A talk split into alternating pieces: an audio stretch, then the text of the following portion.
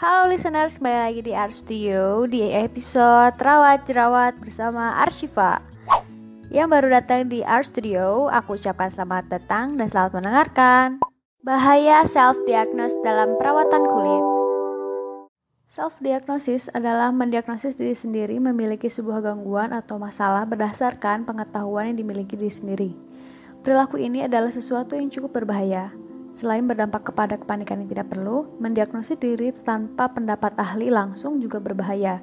Untuk tindakan lainnya, misalnya memperparah kondisi kulit yang bermasalah, memperlambat proses pemulihan kulit, dan cacat permanen pada bagian kulit yang sedang dalam proses perawatan.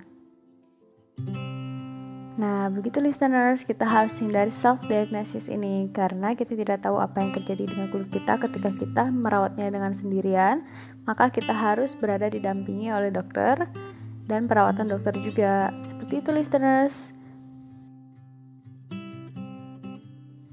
Terima kasih telah mendengarkan Art Studio. Sampai jumpa.